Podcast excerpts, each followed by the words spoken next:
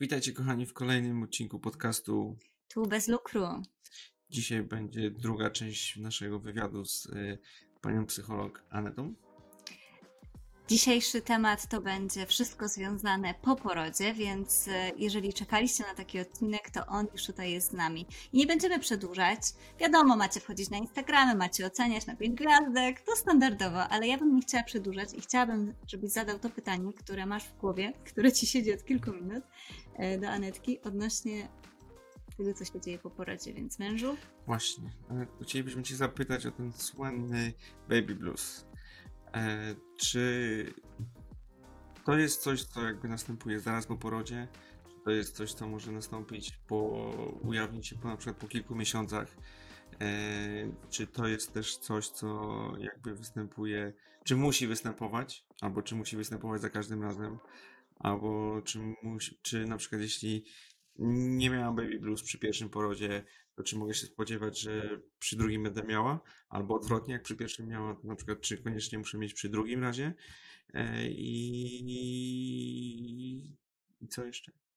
Nie wiem, zadałeś Anetce tyle pytań, Właśnie, że... zadałem Anecie tyle pytań, że nie wiem, czy w ogóle zapamiętała cokolwiek. Dobra, to po, jak nie odpowiem na coś, to przypomnijcie. Ym, ym, Spadek y, czy zmiany hormonalne po porodzie są naturalne y, i, y, i te hormony tam się mówi, że, że działają albo że szaleją i, i to różnie może wyglądać. Każde ciało jest trochę inne od innego ciała, więc, więc może być tak, że te, te wahania wyglądają różnie u różnych kobiet. Myślę, że to jest też bardziej takie pytanie lekarskie i fizjolo- do fizjologii takiej mm, ciążowej, ale y, nie można się spodziewać, że coś na pewno będzie, ale też nie można wykluczyć, że na pewno nie będzie. Y, Bardzo dużo mam po porodzie, albo nawet jeszcze przed, bardzo się wzrusza. Nie? Ja płakałam na reklamach szamponów, y, na różnych rzeczach. Wszystko mnie wzruszało, na przykład przez taki czas, że, że sobie myślałam, Boże, moje płaty czołowe, ja tu już nie trzymam żadnych emocji, nie, ten, afekt się zmienia. To, to się tam reguluje i to też wszystko, y, ta biologia służy temu i utrzymaniu ciąży, i bu- budowaniu więzi, i, y, i, i takiemu przywiązaniu, i, i, ale to jest też ogromna zmiana, prawda, bo to ciało też potem w okresie połogu, ale nie tylko w tym czasie, później też wraca długo nie tylko przez 6 tygodni, do, do jakiegoś takiego funkcjonowania. Sprzed ciąży się mówi nawet o roku, nie? ponad roku takiego wracania do, do funkcjonowania takiego fizjologii y, nieciążowej. I, I temu towarzyszą te zmiany emocjonalne również. I tak jak po skoku adrenaliny czasami jest ten spadek, który wycina absolutnie, tak y, taka ciąża i taki poród też, y, też mają tyle, ym, tyle takich właśnie emocji i przeżyć, że później one się też zmieniają. Nie trzeba mieć baby bluesa po urodzeniu dziecka, y, czyli tego takiego spadku, takiego nie wzruszeń, smutku. Y, To jeszcze nie jest depresja poporodowa y, i też nie, nie po każdym porodzie, nie depresja poporodowa to już jest diagnoza, to, to, to też nie zawsze tak bywa, że, że jest wspaniale. Może też właśnie być tak, że jest trudno i że się takie objawy depresyjne pojawiają. Więc warto być na to uważnym, co się ze mną dzieje, jak długo to trwa, nie? I jakie, Mhm. czy jest mi już tak ciężko, że nie daję rady e, sobie, sobie tam z różnymi emocjami, em, że nie daję rady się zajmować tym, tym maluchem, na przykład, nie? Że nie czuję więzi, że to się przewleka jakoś dłużej e, i e, zawsze, jak mam jakieś wątpliwości, to warto się skonsultować i wesprzeć, e, bo może to nawet nie jest depresja poporodowa, ale po prostu mam tak ciężko i tak trudno i tak nie ogarniam, że potrzebuję wsparcia. To niezależnie od diagnozy, to wsparcie, jak czuję, że go potrzebuję, to go na pewno potrzebuję. Mhm. Prawda? Więc ja bym się też nie upierała, tak jak ty, jeszcze wracam do pytania, e, nie musi być tak oczywiście, że tak samo się czujesz po, pierwszej, po pierwszym porodzie, jak po drugim. Mm, Wręcz e, nie znam osoby, która miałaby tak samo. E, I dzieci są różne, i, porody są różne. e, I ty, Nikola, powiedziałaś też o tym, że, że panie się boją, takie mają trudne przeżycia z pierwszego porodu, a czasem ten drugi jest szybciutki, łatwy i, i taki przyjemny, nie? Ekstatyczne Mhm. porody są, bywają. Tak. E, Więc mm, więc to nie, ma, nie, nie można się fiksować, ale y, co nie oznacza, że obawy nie są też naturalne.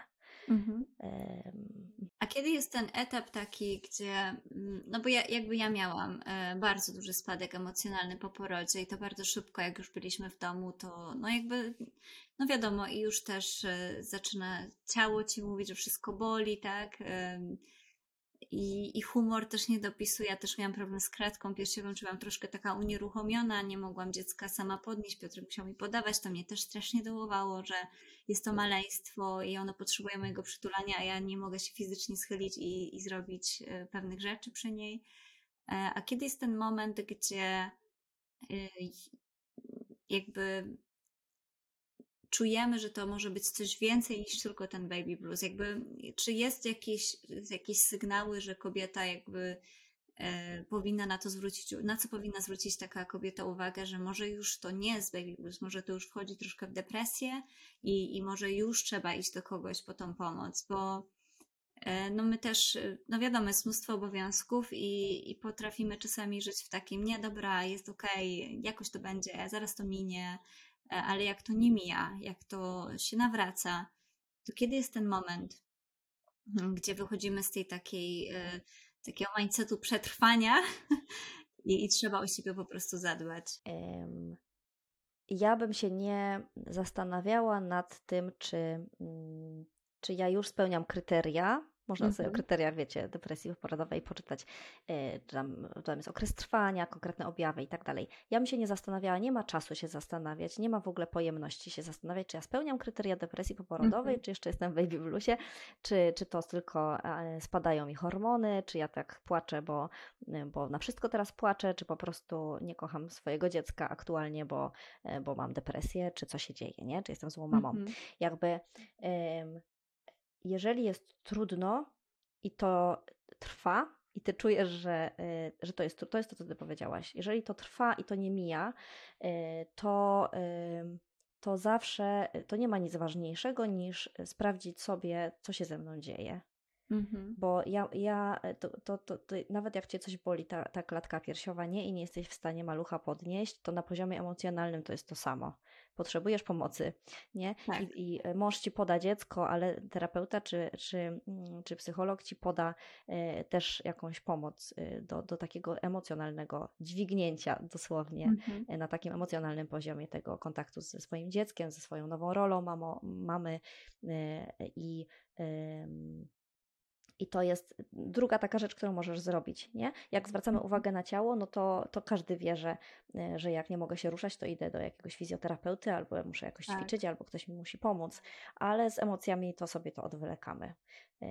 Natomiast to też emocji naszych potrzebuje nasz, nasz dzidziuś, naszych, nie? Mhm. Naszych takich y, jak najzdrowszych, jak, naj, jak w jak najlepszej formie musimy być, więc o to po prostu trzeba zadbać. I to mhm. zostawmy to psychologowi, terapeucie, diagnozowanie, sprawdzanie. My po prostu mhm. idziemy o siebie zadbać, nie? Jak cię boli, boli plecy, to nie, nie sprawdzasz, czy masz takie zaburzenie, czy takie tam, wiecie, jakieś zmiany w kręgach to jest, czy to jest w mięśniu, czy to ścięgno mnie boli, nie? Po prostu tak. idziesz i do specjalisty. Tak. Znaczy ja myślę też, że ludziom e, jest łatwiej, jak boli ich, nie wiem, ręka, noga, iść do lekarza i po prostu poprosić o coś, niż właśnie iść do psychologa, do terapeuty i rozmawiać o swoich emocjach, bo, bo wiele z nas nie jest tego uczonych, żeby w ogóle o emocjach rozmawiać i, i gdzieś tam te emocje w sobie tłamsimy. Czasami yy, nie wiem, ja przynajmniej miałam takie wrażenie, że może tak sobie w głowie czasami y, wyjaśniałam, że może teraz nie ma na to przestrzeni, żeby o tych emocjach tak bardzo silnie rozmawiać, e, że to minie samo, bo, bo gdzieś tam to nie jest coś takiego, co boli mnie non-stop, jakby mnie bolała złamana ręka na przykład, nie? Mm, jakby jesteśmy w stanie w obrębie jakoś funkcjonować, no bo jak sobie zrobisz coś fizycznie, no to nie jesteś w stanie funkcjonować, musisz iść, żeby ktoś ci pomógł, a, a tutaj jakby możesz wstać, możesz e, zajmować się dzieckiem, ugotować obiad, tak, zrobić coś, popracować nawet, ale nie jesteś yy,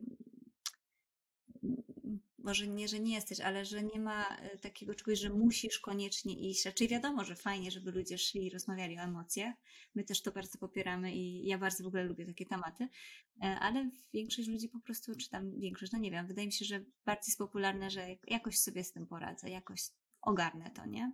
Jeżeli, ale to jest też to, co ty powiedziałaś, no nie, że jeżeli możesz wstać, ugotować obiad, zrobić różne rzeczy Mhm. e, i nie czujesz, że to ci przeszkadza na co dzień, e, nie, Mhm. to pewnie prawdopodobnie nie podejmiesz takiej decyzji. E, Natomiast jeżeli e, robisz różne rzeczy, ale robisz je z wysiłkiem i czujesz, że ci to przeszkadza, to to Mhm. jest dobry sygnał, który ci ciało daje, czy, czy mm, głowa, e, że warto się sobą zaopiekować. Jak już nie robisz żadnych rzeczy, albo fizycznie niby możesz, ale nie możesz, e, nie Mhm. wychodzisz z tego łóżka, nie jesteś w stanie się zająć różnymi rzeczami, no to już jest bardzo poważny sygnał, że, e, że warto się wesprzeć, prawda? Więc, więc e, po tym poznajemy. Mm, Potem Mhm. poznajemy. Pewnie, że istnieją takie, takie objawy czy takie depresje, w których ludzie funkcjonują, uśmiechają się i maskują, no ale dyskomfort jest. Jak czujesz ten Mhm. dyskomfort, że tak naprawdę ciężko ci się funkcjonuje, to czemu to dźwigać? Nie? Czemu, Mhm, czemu sobie to mhm. robić? Mm, I myślę, że coraz więcej się o tym mówi, i tak jak mówiliśmy e, w poprzedniej części tego wywiadu, w tej pierwszej, że nasze dzieci już będą świadome nie? i będą pewnie korzystały sobie z pomocy terapeuty czy psychologa szybciej, prędzej niż, niż nasi rodzice i nasze pokolenie. E, To, to, to mm, trzeba to szerzyć, taką informację, że, e, że dbamy o siebie na różnych poziomach i na Mhm. tym emocjonalnym też. Mhm. Mhm. A jest coś, co może zrobić partner, jak widzi na przykład, że jego partnerka e, jakby polega trochę na tej sferze emocjonalnej, że, że coś jest nie tak, jak było z nią wcześniej i, i ona jakby nie chce tego przyjąć do wiadomości, że coś jest nie tak, że jakby wypiera te emocje, które rzeczywiście są. Czy może coś zrobić partner, czy, czy nie bardzo? Albo też, y, czy jest coś, czego absolutnie nie powinien robić. Jakby W drugą w stronę. drugą stronę przyciągać, nie? No, e, e, na pewno teksty typu weź się w garść, a może jak zaczniesz, to ci przejdzie. E, Wszystkie te teksty, które, e, które nie działają, jak ktoś ma złamaną nogę, nie będą działały, jak ktoś e, ma na przykład depresję, Mhm. prawda? Albo weź się do roboty. Czyli wiecie, jakby wszystkie takie, one często te, te teksty mają, my tak się śmiejemy, ale one mają czasami w założeniu dobrą intencję motywującą, tylko że to nie działa, no bo tak nigdy nie powiedzieliśmy do, byśmy do kogoś, kto ma złamaną nogę, e, a nam się wydaje, że e, głowa to jest takie coś, że to przeskoczysz i już tak potem z rozpędu, e, nie? Więc, więc takie rzeczy nie działają.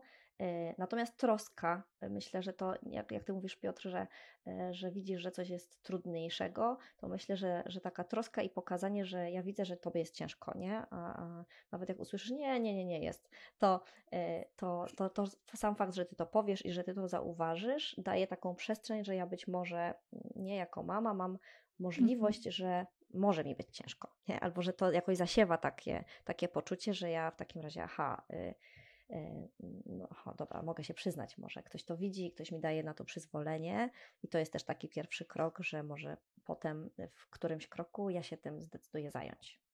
Y, Mhm. Nie?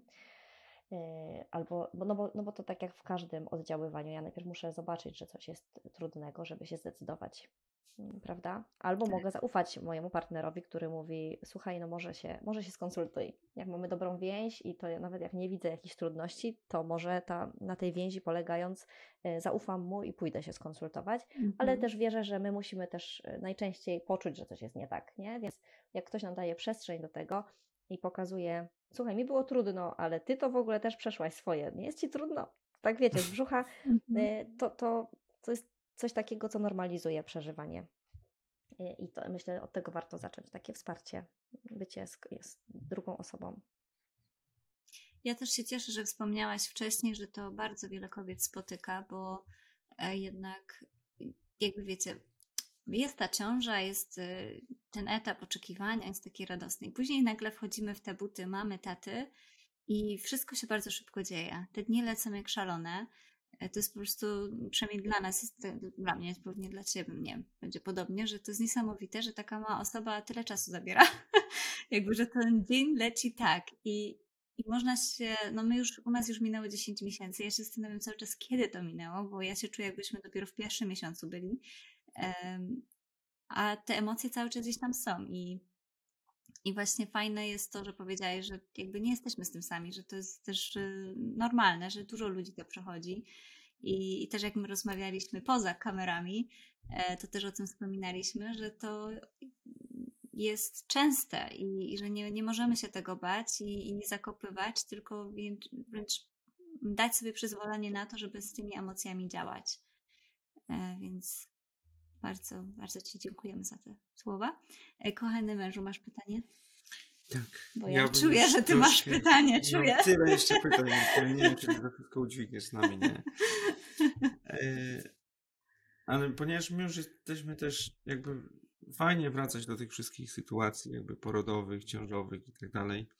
Ja myślę, że to dla wielu osób, które nas słucha i jest na tym etapie, to jest bardzo ważne, ale my też patrzymy trochę z perspektywy naszej jakby, tego już gdzie jesteśmy i jakby ten nasz podcast też nagrywamy z, z takiej perspektywy i, i mamy już tą naszą istotę 10-miesięczną, już prawie 10,5 Mhm.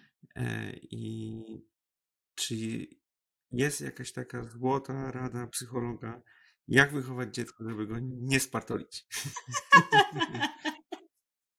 Nie ma. Kurczę. Chcieliśmy, chcieliśmy. Ale ja myślę, że zadawanie sobie tego pytania jest bardzo dobrym zabezpieczeniem. E, e, To jest trochę to, o czym mówiliśmy na początku, że jak, jak jesteś uważny, znaczy jak się obawiasz albo w ogóle zadajesz sobie różne pytania, to jesteś uważniejszy. A jak jesteś uważniejszy, to i więcej czytasz, i bardziej się przyglądasz, i więcej słuchasz swojego dziecka. E, I to jest chyba to, co my możemy zrobić, nie?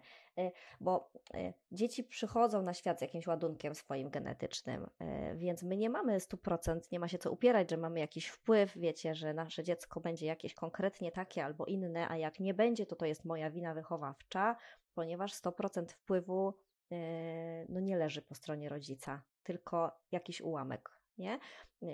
To całe wyposażenie genetyczne, temperament, jakie nasze dziecko ma, to jest, y, jaki ma, to jest, to jest jedna rzecz. To, jak my je wychowujemy i co my mu tam dajemy i czy jaki mamy my rodzaj temperamentu, osobowości, w jaki sposób wchodzimy my w relacje z nim na ile dajemy mu przestrzeń jakby szanujemy e, i, rozmawiamy. To jest druga rzecz, to całe wychowanie, ale nasze dziecko się zanurza też w różnych innych relacjach, nie? I w różnych innych czynnikach, w kontakcie z dziadkami, z rówieśnikami, nie wiem, z rodziną, ze znajomymi, z kulturą, w której jesteśmy.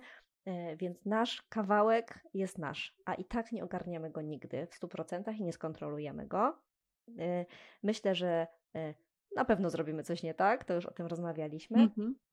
E, y, Natomiast y, y, y, trzeba sobie to jakoś tak odczarować, że nie będziemy nigdy robić rzeczy tylko poprawnie i w ogóle nie silmy się na taką nieludzkość, tylko że Mhm. jesteśmy, jesteśmy ludzcy i to jest też zasób dla naszego dziecka.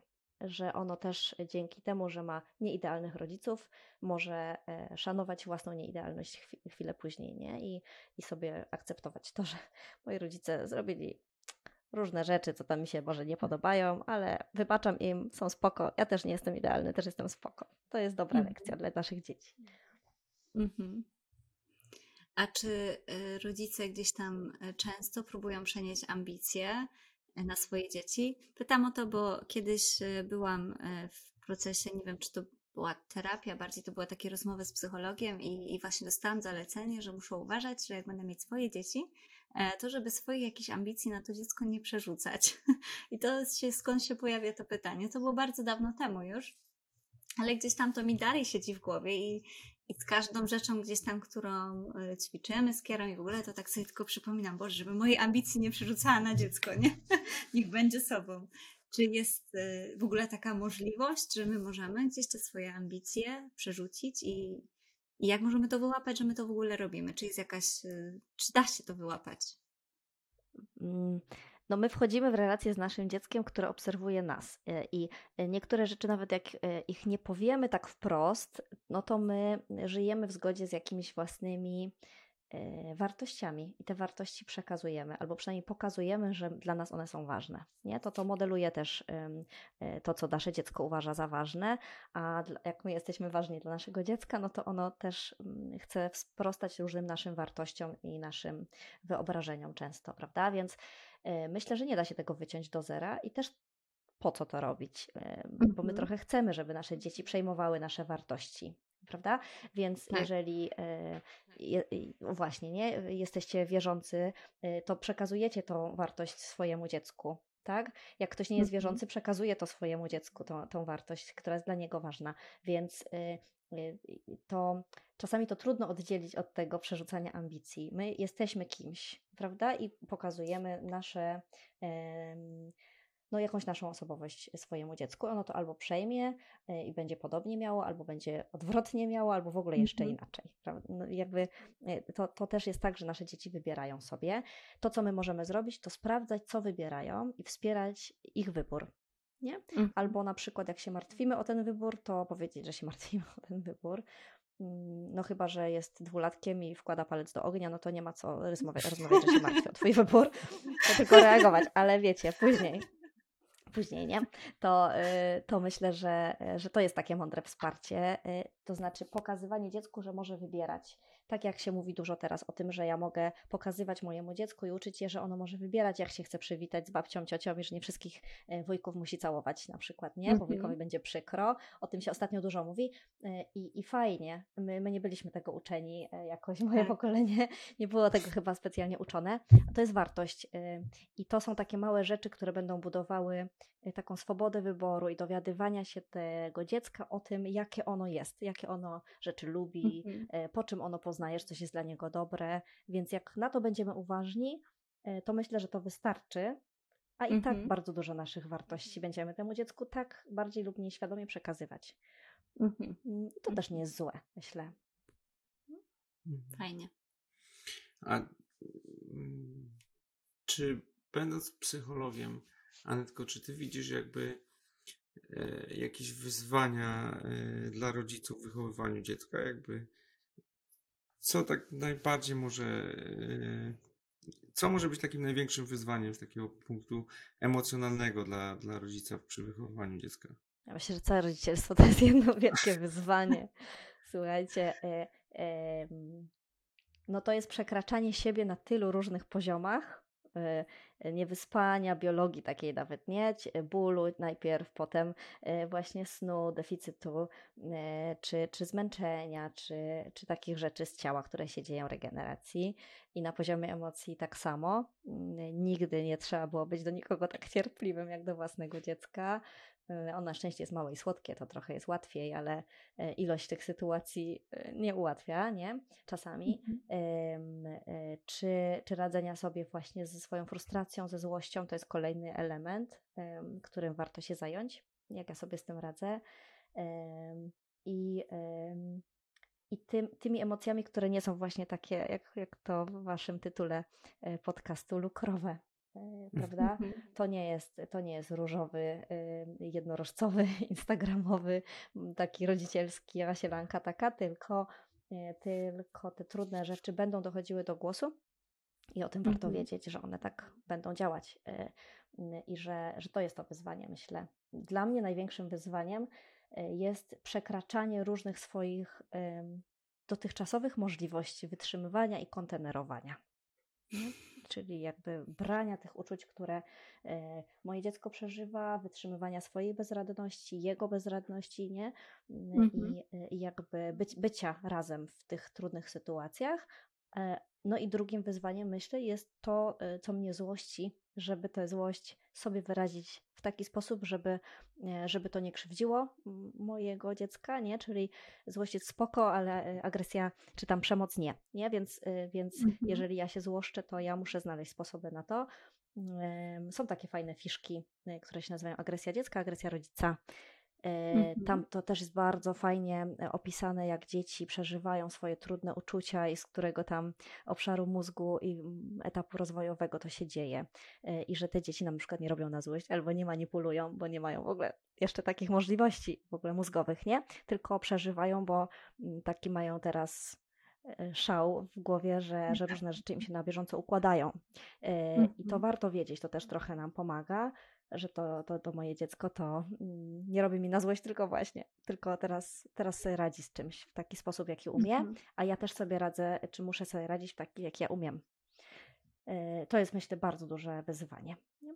takie, takie trudne uczucia. No to jest w ogóle fajne, e, co wspomniałaś o, o tym, że dzieci nie robią nam na złość albo nie, nie manipulują nami, szczególnie na takim bardzo młodym etapie, e, bo często gdzieś tam te babcie, dziadkowie powiedzą, tak, nie noś tyle, bo zmanipulujecie i będziesz nosiła później do osiemnastki. E, albo płaczę, bo, bo chcę coś wymusić, nie? Więc no to jest, no my się już trochę o tym też przekonaliśmy, bo, bo mamy bardzo temperamentną córkę, bardzo.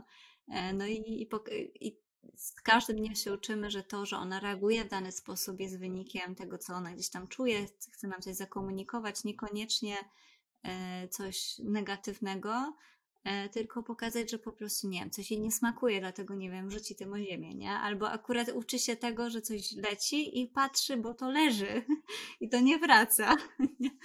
Więc no jest to bardzo duże wyzwanie i też czasami, no tak jak fajnie, że mówisz też, że, e, że widzimy, że y, są jakieś tam sytuacje, emocje, które ciebie spotykają i nas też spotykają, bo my też je czujemy, tylko może gdzieś tam jesteśmy trochę na innych etapach, bo masz starsze dziecko, ale gdzieś tam też nas to dotyka, że czasami już po prostu tak się gotuje e, z tych emocji, z tej frustracji takiej już, Boże, ile można, albo ile może płakać. Ona miała spać, mieliśmy cię inne plany na ten wieczór, a ona miała swój plan, tak? I co? No nic z tym nie zrobimy. Musimy to y, zaakceptować i jakoś y, funkcjonować wokół tego, nie?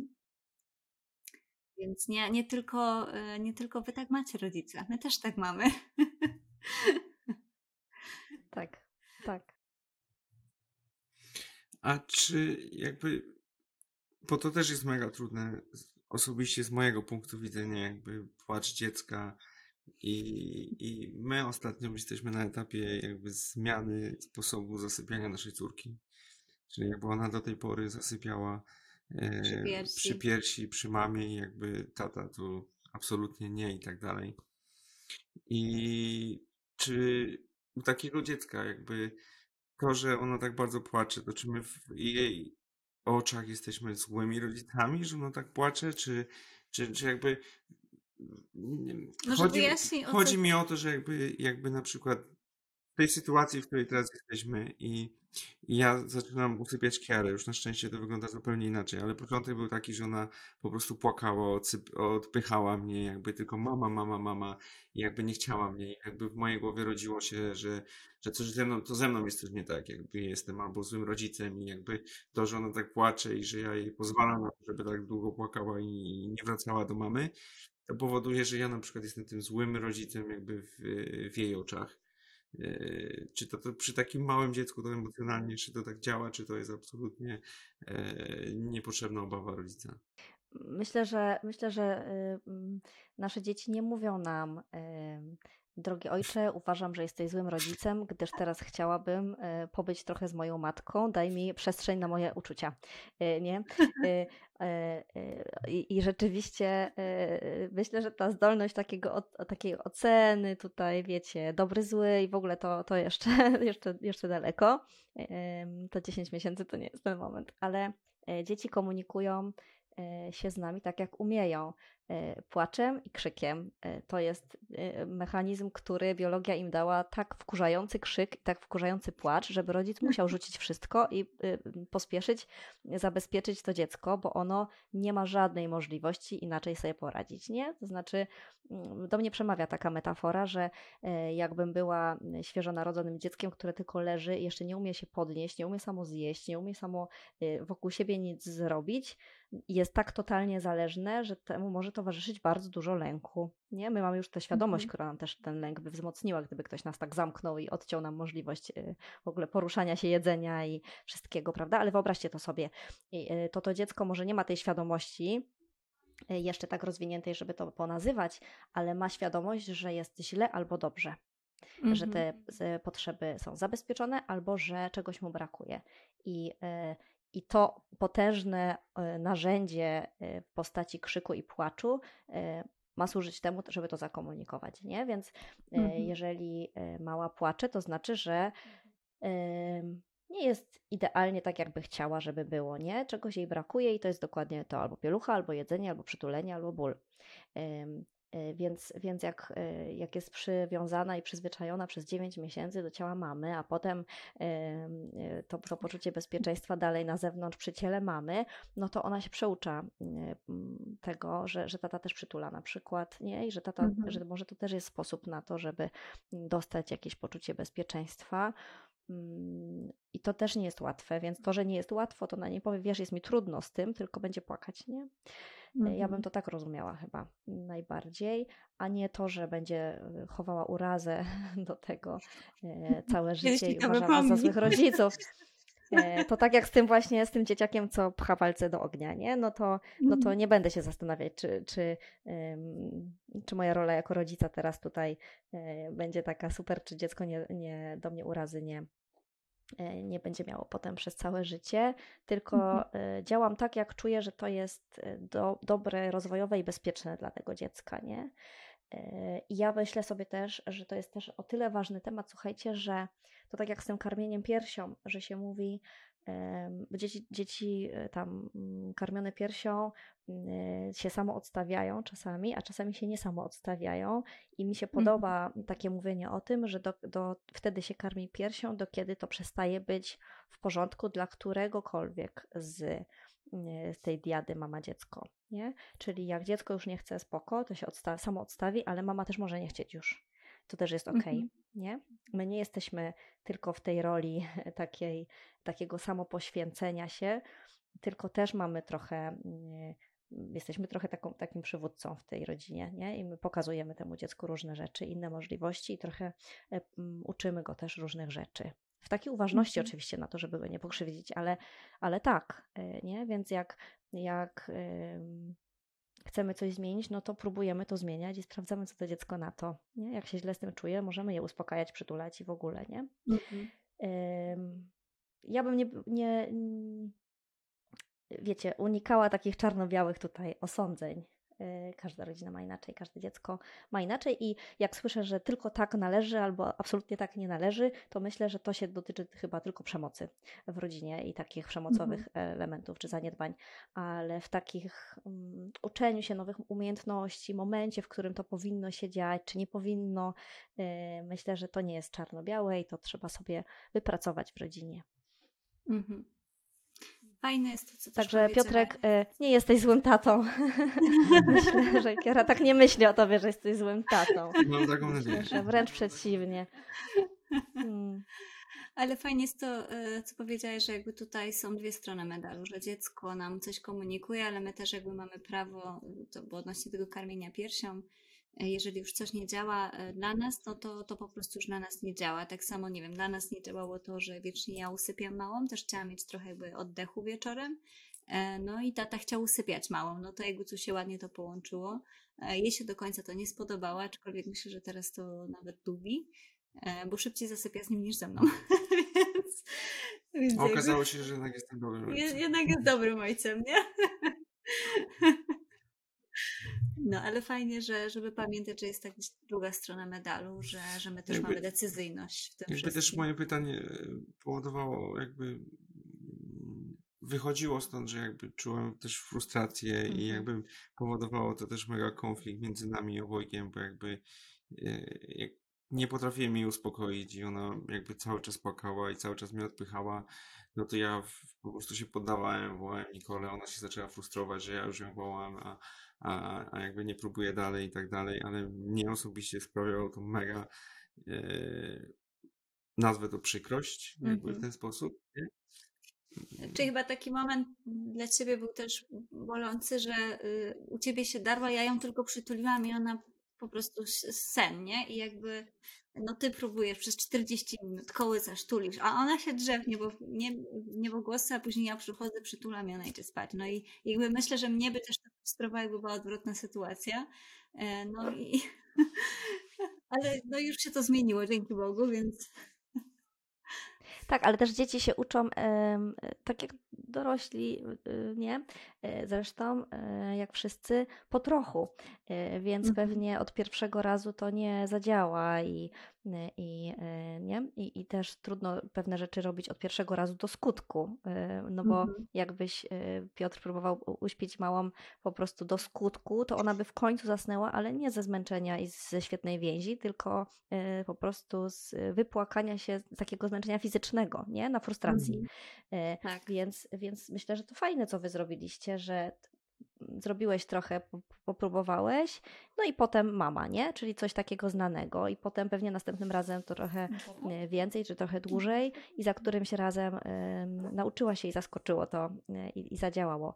E, Że, że dzieci też potrzebują, no nie wsiada dziecko na rowerek i heja już po prostu z górki, tylko no, Mhm. niektóre tak mają, to po, podziwiam, ale że trzeba parę razy i sprawdzić, nie? I, I to za każdym razem jest łatwiej. I dawajmy też dzieciom, myślę, taką możliwość, żeby nie wszystko od razu mm, musiały, Mhm. no bo to mm, też jest frustracja duża, która potem wręcz odwrotnie może zadziałać, nie? Że już mi się to w ogóle nigdy nie będzie podobać, jak, mi, jak mnie zmuszą. Tak. Tak. E, Masz jeszcze jakieś pytanie do tego tematu, czy idziemy dalej? Yy, mm, nie, ja jestem okej. E, To ja mam jeszcze takie pytanie, e, no trochę, z, bo tu rozmawialiśmy o takich przyjemnych tematach e, wychowania, i jak nie, nie spaprać dziecka, a jeszcze jest takie jedno pytanie, które my tego tematu nie, niezbyt często poruszamy w naszych e, relacjach, bo jakby nie mieliśmy z tym styczności osobiście. Hmm, Ale chciałabym zadać to pytanie, bo wiem, że słuchają nas różne osoby, przez, które przez różne rzeczy przeszły w życiu. I jeżeli e, zdarzy się jakiejś parze, że dojdzie do poronienia, e, czy taka sytuacja, e, no bo to jest ciężka sytuacja dla, dla, ob, dla obydwu stron, tak? Dla partnera i dla partnerki, czy rekomendowałabyś, żeby takie osoby właśnie przyszły sobie to też przepracowały, zanim będą się starać po raz kolejny? Mhm. E, Myślę, słuchajcie, że mm, to znowu jest to wskazanie, na ile czujesz, że to jest tak Mhm. t- y, trudne, że trudno sobie z tym ra- poradzić. Mm.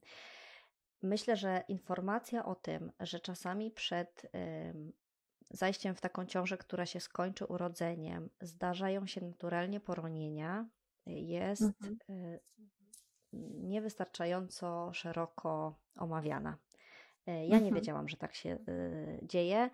E, I e, dopóki nie miałam styczności z, e, z taką koleżanką, która poroniła dwa razy i e, mówi, że dopiero jej taką ulgę przyniosła, jak usłyszała tam w szpitalu, że ciało się też e, uczy być w ciąży, że Mhm. e, że wiecie, że, że to nie jest nic niefizjologicznego, że, że tam mm, to jajeczko się nie przyjmie, że, że to poronienie się zdarzy, że być może to jest też naturalna jakaś taka ochrona organizmu, bo mm, one się dobrze nie podzieliły, te komórki i, i Mhm. gdyby tak miało rosnąć, to albo by się urodziło to dziecko mm, mm, też nie, niesprawne, albo albo w ogóle nie, nie urodziłoby się, tylko by to dłużej trwało, że ciało też jest mądre e, i że to Mhm. jest naturalny proces i bywają poronienia. e, Kilka poronień bywa po prostu też normą, czy takim, taką fizjologią e, przed, przed zajściem w ciążę.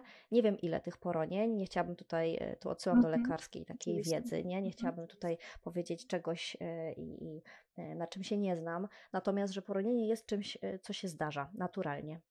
Mhm. I czasami nawet kobiety nie wiedzą, że ronią, po prostu to jest okres, nie? Mhm. że, że, że ciało też tak sobie radzi. Ale to nie oznacza, że to nie niesie ze sobą ładunku, ponieważ jeżeli my wiemy, że Mhm. jesteśmy w ciąży, no to uruchamiają się nasze różne wyobrażenia, przewidywania, nadzieje, emocje e, i to e, można poronienie przeżyć jako stratę i można je przeżyć jako żałobę. Jeżeli nie Mhm. przeżywam tej żałoby tak, że sobie z nią radzę, bo nie każdy też nie, w żałobie idzie mm, do psychologa i do terapeuty i ja wcale nie uważam, że ze wszystkim zawsze trzeba iść, bo my też jesteśmy Mhm. em, tak skonstruowani, że z różnymi emocjami też naturalnie sobie radzimy, ale jeżeli sobie nie radzimy, no to takie dokładnie jak z tym lekarzem czy fizjoterapeutą, nie? To, to Mhm. warto iść. Jeżeli mam takie poronienie za sobą, które jest dla mnie bardzo trudne i na przykład budzi mi lęk przed kolejną ciążą, przed przechodzeniem, przed kolejnym poronieniem na przykład, Mhm. y, to czemu się nie wesprzeć? Okej, to no właśnie to um, jakby byliśmy ciekawi, bo mm, jakby no słyszymy u znajomych, że gdzieś im się zdarzyło, ale jakby nigdy nie ma tego tematu, jak sobie później z tym radzić, bo my go nie chcemy poruszać, dajemy przestrzeń tym osobom, jak będą chciały, to jakby samo o tym opowiedzą, tak? Ale y, chciałam, żebyśmy tu też podkreślili, że jest ta pomoc, jeżeli ktoś jej potrzebuje, to jak najbardziej, żeby się jej nie bać. E, tylko, że jeżeli ludzie gdzieś tam To nie tylko poronienia, temacie, to- jeżeli... Tak, tak, to nie, to nie, ja chcę dodać, że to nie tylko poronienia, Mhm. że, że też są, są ciąże, które są terminowane wcześniej z powodu e, na przykład bezczaszkowia, e, nie, u Mhm. zarodka, no to takie dziecko nie ma szans się urodzić, prawda? E, Że, że są takie wady, które są letalne i które Mhm. E, nie wiem jak teraz jest w polskim prawie dokładnie, ale, e, ale e, ciąże też takie się terminuje z powodu no jakby bez braku nadziei na, na szczęśliwe rozwiązanie. Nie? Mhm. Em, I, e, I to też można przeżywać jako żałobę. Nie? I to też, to nie jest poronienie takie, że samo, e, tylko trzeba pomóc temu procesowi, żeby było bezpiecznie e, dla mamy, Mhm. e, i, i dla takiego, dla, dla fizjologii, dla zdrowia i dla życia, ale to też można przeżywać, prawda, w, taki emocjonalny sposób. I jeżeli ktoś powie, no dobra, no. mm, No nie wiem, przeżywam to tak, że coś tam nie poszło dobrze i interwencja medyczna mi pomogła. Spoko i nie mam z Mhm. tym problemu, jakby okej. E, A to, to też nie trzeba wtedy korzystać może z takiego wsparcia, ale jeżeli, e, jeżeli to e, przynosi takie konsekwencje emocjonalne trudne, no to tak jak mówię, nie, to też jest taka sytuacja, w której warto, e, warto się wesprzeć. Mhm. Mhm. Będziemy pomału pewnie już zmierzać do y, zakończenia dzisiejszego odcinka, ale mam jeszcze dwa pytania, które dostaliśmy też na Instagramie i chcielibyśmy je zadać. Więc pytanie pierwsze. Co lepiej powtarzać dziecku, że jest piękny, czy że jest mądry? E, Ja bym powiedziała, że e, lepiej pokazywać dziecku, że się zauważa jego starania, e, bez nazywania cech. Mhm. E, Bo, bo to potem, e, że co, zrobiłem coś raz nie tak, to znaczy już nie jestem mądry, nie? Żeby, żeby nie wzmacniać e, tak. Bardzo często się wzmacnia dziewczynki za urodę. Też warto na to zwrócić uwagę, żeby mm, taki przekaz i tak będzie płynął do, do naszych córek z, z mediów, z kultury, więc, ale niezależnie czy to córeczka, czy syn, myślę, e, tak samo o urodzie synków też bywa różnie, e, też ona jest wzmacniana. E, Wzmacniać, myślę, warto starania e, e, i e, dostrzegać emocje i wysiłki. Nie? Mm, Mhm. e, To, to, co nasze dziecko robi, że fajnie, że się postarałeś, widzę, że tu jest dużo kolorów, mm, czy trudno było to zrobić ten rysunek, czy, e, czy się e, dzisiaj bawiłeś z dziećmi, nie? E, Jak się czułeś tam w, w, w, w żłobku, w szkole, e, to, e, to bardziej w tą stronę. Ja bym nie nazywała Mhm. za dużo cech. I tak babcie, ciocie i wszyscy dookoła będą mówić, Będą. jaka ta dziewczynka czy ten chłopiec jest taki, czyli określać e, cechy. Tak, tak. Mhm. I drugie pytanie, jakie mamy, czy psycholog ma łatwiej wychować swoje dziecko? I czy warto wzbogacić swoją wiedzę z zakresu psychologii dziecka, będąc rodzicem? Y, Nie wiem, czy ma łatwiej, ale ma y, szybciej do wzbogacania wiedzy, bo po prostu wie, że taka wiedza istnieje, ten psycholog. Y, Więc jak Mhm. najbardziej warto, warto wzbogacać, czytać sobie. Na Instagramie są też bardzo fajne takie profile dotyczące y, macierzyństwa i rodzicielstwa, ojcostwa. Y, To sobie warto śledzić, takich rodziców, którzy mm, bez takiego napięcia i zero-jedynkowości y, dzielą się tym, jak, jak mają ze swoimi dziećmi, to też wzmacnia. Także Mhm. czytać, oglądać, tak, odpinać się od Mhm. siebie. I myślę, że to będzie już ostatnie pytanie, jakie zadamy. Było ich jeszcze kilka, ale to takie bardzo to jakby mnie osobiście uderzyło. Czyli czy można żałować bycia rodzicem i jak sobie z tym poradzić? Mhm. To jest, y, to jest mocne pytanie, y, no bo jak ktoś żałuje, to można żałować, nie? W sensie, no, no nie możemy powiedzieć, nie możesz żałować bycia rodzicem. Mhm. Na pewno, mm, na pewno to, je, mm, to jest bardzo y, częste i nie, nie, to nie są pojedyncze osoby, które, tak jak mówiliśmy poprzednio, ża, żałoby przeżywają e, po jakimś rodzaju roli i wolności, która wcześniej była i której teraz jest mniej. E, Myślę, że to jest oś takiego, e, jak, jak mówisz, żałuję bycia rodzicem, to myślę, że to pewnie chodzi o to, że brakuje mi tej wolności, tej swobody, tego wychodzenia z Mhm. domu i nie, wie, nie, nie wiedzy, kiedy wrócę, tego rodzaju przeżywania. I to jest też naturalne i fizjologiczne przy każdej zmianie roli, że my coś tracimy, nie? E, Albo coś się Mhm. zmienia i, e, i e, trzeba sobie z tym poradzić. Więc jeżeli sobie z tym nie radzę, jeżeli to wpływa na moje życie bardzo i na życie moich mi bliskich osób, to pewnie, pewnie, że sobie warto się wesprzeć. Natomiast no, no myślę sobie, że mm, bywają sytuacje, w których ktoś jest absolutnie niegotowy do bycia rodzicem. Nie? Mhm. E, Więc to jest to, co mówiliśmy jeszcze kiedyś, e, że warto sobie też e, zrobić porządek ze sobą, jeżeli chcę, czy w ogóle rozważam bycie rodzicem, no bo nie można nikogo zmusić do tego, żeby był rodzicem, Mhm. prawda? E, To już na wejściu, to jest to, jakby się zmuszało kogoś do jedzenia e, brukselki, której nie lubi, no to on nigdy już nie będzie lubił brukselki, jak niego się wymusi po prostu dwa kilo brukselki, e, bo to raz jest przemocowe, a dwa no nie służy temu, żeby tą brukselkę kiedykolwiek polubić. I myślę, że z rodzicami też tak jest. Jak nie jesteś gotowy absolutnie, no to nie można kogoś zmusić, żeby był rodzicem, nie? Mhm. E, A, a sytuacje w życiu bywają tak różne, że są osoby, które przeżywają w taki sposób, nie? E, Zmuszenie na przykład do bycia rodzicem. E, To już, to już takie naprawdę patowe e, sytuacje bywają. No i wtedy jak najbardziej trzeba takiej pomocy. Trzeba, trzeba tutaj Mhm. takiej uważności i pomocy. Bo można nie być gotowym, jak się ma 15 lat na przykład, prawda? Albo 18. Albo nawet 30, to nie, nie zależy od wieku. Po prostu można nie być gotowym. Mhm. Jasne. Dokładnie. Biorąc te całe nasze dwa odcinki podcastu w całość, e, mam takie ostatnie pytanie do Ciebie. Gdzie szukać pomocy? Gdzie się zgłosić? Czy to psycholog, czy to mm, terapeuta? E, od czego zacząć? Jakby e, gdzie zrobić ten pierwszy krok, jeśli czuję, że potrzebuję pomocy? Czy to będzie psycholog, czy psychoterapeuta?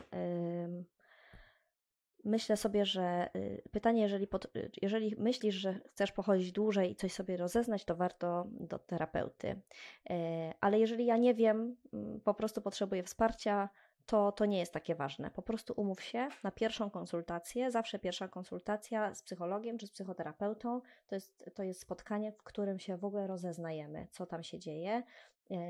I sprawdzamy, co jest do zrobienia, czy, czy chcemy jeszcze popracować i jakie to tematy są do poruszania, nie? Więc nawet jeżeli umówisz się do kogoś pierwszy raz i się okaże, że e, ta osoba nie będzie z Tobą pracowała później, tylko Ci powie, OK, to ten temat, to najlepiej ja Pani powiem, gdzie teraz iść, czy Panu powiem, do kogo Mhm. teraz należy się zwrócić, to już ten pierwszy krok mamy zrobiony. Już ktoś rozeznał naszą sytuację i już nam powiedział, co dalej. I to nie zawsze właśnie tak jest, że ja z tą dokładnie osobą, do której trafiłem na pierwszą konsultację, czy trafiłam, będę dalej pracować, ale to jest ten bardzo ważny moment, żeby, żeby sobie to rozeznać, nie? Y, Sprawdzajcie, czy osoba, z którą się spotykasz, ma ukończone pięcioletnie studia psychologiczne. Mm, To trzeba sprawdzić, jak idziesz do Mhm. psychologa, jak idziesz do terapeuty, czy jest w szkoleniu albo po ukończonym czteroletnim szkoleniu, nie? E, czy jakimś takim szkoleniu psychoterapeutycznym, najlepiej e, atestowanym, czy na przykład już po tym szkoleniu jeszcze jest po egzaminie e, certyfikacyjnym i ma certyfikat psychoterapeuty atestowany przez towarzystwo jakieś takie psychoterapeutyczne. To warto sprawdzać i warto też o to pytać te osoby, Mhm. z którymi pracujesz. I ta, ta ostatnia rzecz, o której mówiliśmy, mm, to poczucie takiej więzi. Ono też nie jest tak od razu z terapeutą czy z psychologiem, ono też może się budować. Natomiast jak czujesz, że coś ci bardzo przeszkadza, nie? Jak ten, e, jak ten psycholog czy psychoterapeuta robi rzeczy, które dla ciebie są nie do przyjęcia, e, Mhm. można na to zwrócić uwagę, ale też to nie oznacza, że ja muszę tam chodzić kolejny rok, jeżeli coś mi bardzo nie pasuje, nie? Albo ktoś się do mnie tak zwraca, jak nie chcę, żeby się zwracał, albo, albo y, się spóźnia bardzo, nie? Cały czas, albo mam Mhm. takie poczucie braku szacunku, więzi, uważności, no to do kogoś innego wtedy warto się umówić. Dobrze. Natomiast zawsze Mhm. warto, słuchajcie, warto. Jak czujesz, że, że może warto, to myślę, że warto. Właśnie. Myślę, że tym pięknym akcentem możemy podsumować tę Tak. naszą rozmowę, że e, nie należy się bać i jakby ja osobiście uważam, że, że trzeba się czasami wyzbyć takich obaw i po prostu spróbować, e, bo to może pomóc, e, czy może zaszkodzić, nie wiem. Wydaje mi się, że jednak chyba bardziej może pomóc niż zaszkodzić. I myślę, że jeśli trafimy do dobrego specjalisty, to, e, to na pewno nam nie zaszkodzi. I, I myślę, że, że to jest super, że, że coś takiego jest i że nie musimy sobie z tym wszystkim radzić sami i nie budować też jakichś konfliktów wokół nas, e, czy to w stosunku do naszego partnera, czy Mhm. e, naszych dzieci i, i tak dalej. Tak, ja nie wiem co powiedzieć, bo ty tak poleciałeś teraz z tej Prawda? części, że kurczę, mnie No, zatnęło. pięknie. E, oczywiście też bardzo chcielibyśmy Anetce podziękować za Tak, to spotkanie. bardzo. Dla mnie osobiście e, rozmowy z Anetką zawsze są mega przyjemnością, czy to prywatne, czy, czy tak jak dzisiaj na, e, na, Na naszym wizji. podcaście, na wizji, więc to jest zawsze mega przyjemność i bardzo Ci dziękujemy, że się zgodziłaś z nami tutaj być.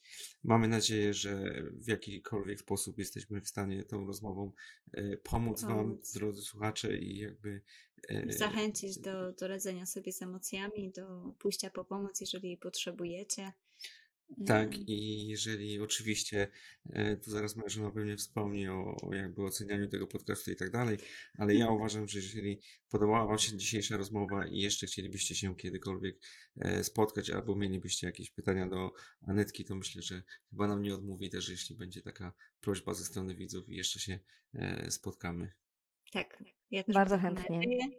Bardzo chętnie, serdecznie Wam dziękuję też za, za zaproszenie e, i mam nadzieję też, tak jak powiedzieliście, że e, jak ktoś e, bardzo się mm, przejmował i napinał, to może teraz troszkę mniej się przejmuje, a jak bardzo się martwi i czuje, że jest coś do, do zrobienia, no to heja, róbmy z tym coś.